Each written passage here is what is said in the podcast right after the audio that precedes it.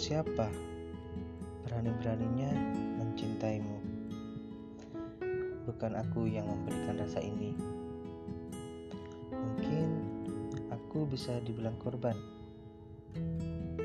yang mendapatkan pelajaran walaupun itu sakit. Sangat keras kepala jika aku selalu menyakiti hatiku sendiri. Tapi di sisi yang lain, seisi kepalaku selalu ada namamu. Namamu selalu teringat, walaupun di waktu yang singkat. Percayalah, setiap hati mempunyai caranya sendiri untuk benar-benar menghapus seseorang yang pernah dicintainya.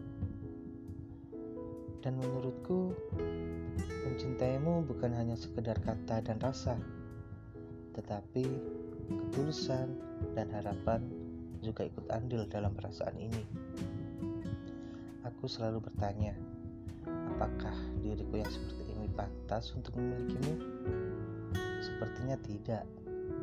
Dirimu yang terlihat sempurna di mataku, sedangkan aku tak pernah ada cerminan di bola matamu. Mungkin di saat ini kamu seperti pemenang yang terbebas akan keluh kesah dunia ini. Tapi tak apa, melihatmu tersenyum adalah tujuanku. Namun, satu yang akan jadi masalah. Jika rindu datang, aku harus bagaimana?